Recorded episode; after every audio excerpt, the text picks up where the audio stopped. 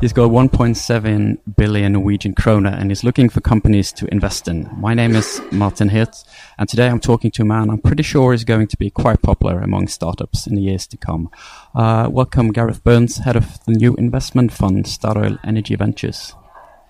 Uh, thank you for coming on the podcast. First of all, uh, why is Statoil setting up this venture fund? Thank you, Martin. Statoil uh, has been look obviously been present in the oil and gas uh, industry for a number of years now, and uh, over the last couple of years we have been observing a gradual transition. Uh, we do believe oil and gas will continue to be part of the energy mix. But over time, we expect there to be an increasing uh, proportion of uh, energy coming from other sources, and we want to be be part of that. So last year, we established New Energy Solutions, uh, and uh, corporate venturing is part of uh, that toolbox that we look to uh, gradually transition to other forces, uh, sources of energy. Mm. the question I'm pretty sure that a lot of people are curious about is let's say that I am an entre- entrepreneur who has come up with a piece of technology that I think has great potential in the renewable business, whether it's solar, uh, offshore wind, um, or, or, or uh, any other uh, area, and I'm looking for investors. How do I go forward to get Statoil and this fund to invest in my company? How do I make myself interesting? At Statoil Energy Ventures, our investment uh, mandate, so to speak, is uh, we will be looking for a, a strong strategic fit. Uh, so we will be uh, our, our, investment purpose, so to speak, is is it something that we can support our existing offshore wind operations? Uh, t- does the investment opportunity have the potential to create a future growth platform for Statoil, uh, or does it have uh, does the company have the opportunity to uh, disrupt uh, the energy industry with uh, t- from a new technology or a new business model perspective? Mm if the uh, investment opportunity satisfies one of those, then we will then move to a financial assessment of can this investment opportunity deliver on uh, our financial objectives? Does the company have a uh, a, a, track record in terms of uh, a committed management team with entrepreneurial experience, uh, or is it, uh, it is it a company that we believe uh, is targeting a market has, that has the potential to grow quickly, uh, and can it have a successful exit? Mm. ultimately, if if it then satisfies those, we at Statoil Energy Ventures will look to take a minority equity position uh, in the companies, uh, and then through active oversight and uh, providing assistance to the, the companies, we hope that they will succeed. Uh, besides uh, funding, what other types of assistance can uh, a company get from Statoil? Access to research development, other competence it, areas? Statoil Energy Ventures has a sister organization called Statoil Technology Invest, and this sister organisation, uh, under the leadership of Richard Erskine, has uh, a strong track record uh, of investing in small companies and helping them succeed over the last sort of 10 to 15 years. I think that track record is something that we can point to as to how Statoil has helped companies succeed. So whether that is uh, enabling, providing opportunities for them to implement technology, or providing them uh, sort of business business input and insight uh, into uh, how they, they can succeed. Uh, those are all things that uh, investors or, or companies will benefit from uh, us investing. Hmm. you said that you're looking for companies that has a strategic fit with your current activity, but you also said you're looking for disruptive technologies. And in your in your presentation, you mentioned well, that's actually a disruptive business model, but you mentioned Solar City. Um, so I take it you're, you're, you're also looking outside of offshore wind and potentially into um, other areas such as solar energy. Yes, Statoil, from a uh, a broader energy industry perspective, uh, we do uh, see there being a gradual transition uh, occurring to, uh, to, sort of that will be sort of complementing oil and gas in the uh, provision of energy.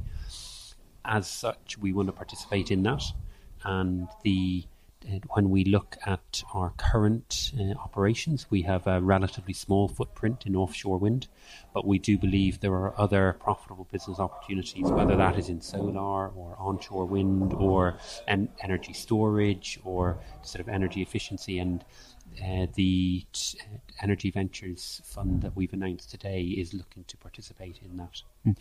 How will you uh, assess the different companies? I mean, uh, if, if, you find a, um, just sort of uh, as an example, uh, a company uh, who's in tidal power, just to to make an example, which is a technology outside of your current area of activity. How how do you assess those companies from a technological standpoint?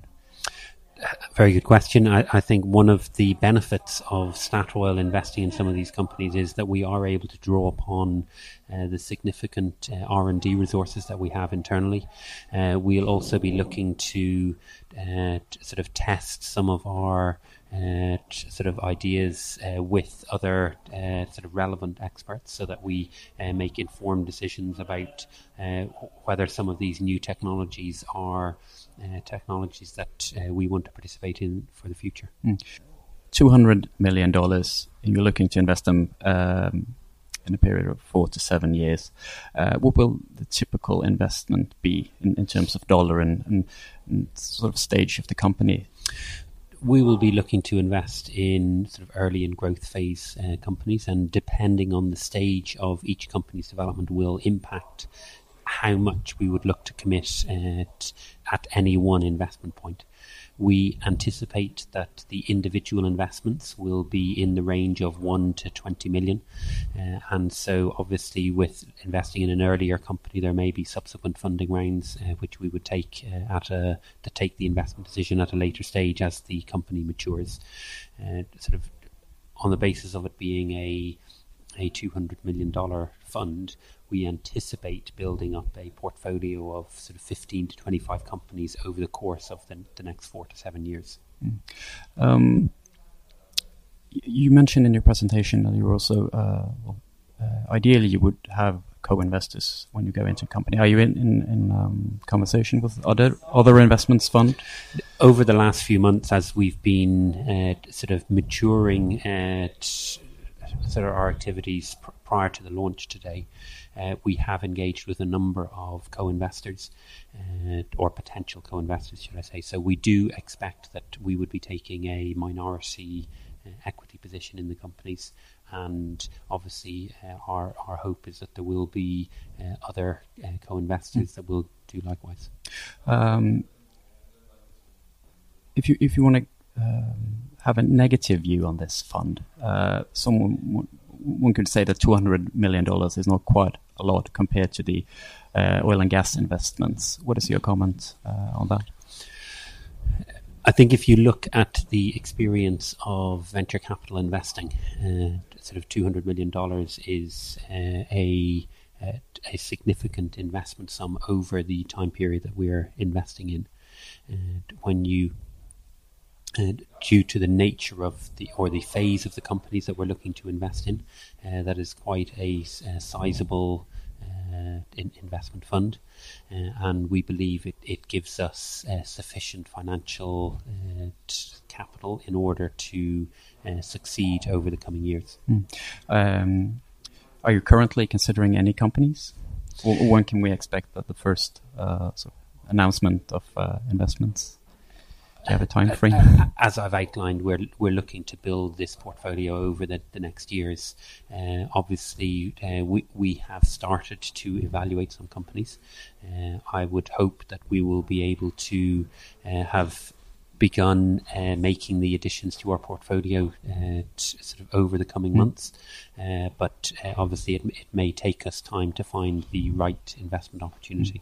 A couple of, of questions before we round up. Um, on a personal level, what is it uh, with this position that intrigues you? Uh, I've worked for Statoil for uh, coming up on 20 years now. Uh, and I've had uh, the privilege of working in a range of different business areas. having seen Statoil develop over uh, that time, this is a great opportunity to begin shaping the the future of Statoil. and Uh, it has been an excellent few months for me as I've begun to uh, sort of get to grips with this uh, opportunity. In in terms of uh, where does this ultimately go, I'm I'm looking for this uh, fund to succeed, mm. and ultimately for it to succeed, we've got to invest in profitable business opportunities, and that will be a a, a great opportunity to work with over the coming uh, months and years. Um, you mentioned success, and you obviously wanted to, to succeed. Uh, 15 years from now, uh, 2030, what has happened to your portfolio of investments in order to call this a success? Do you have any goals?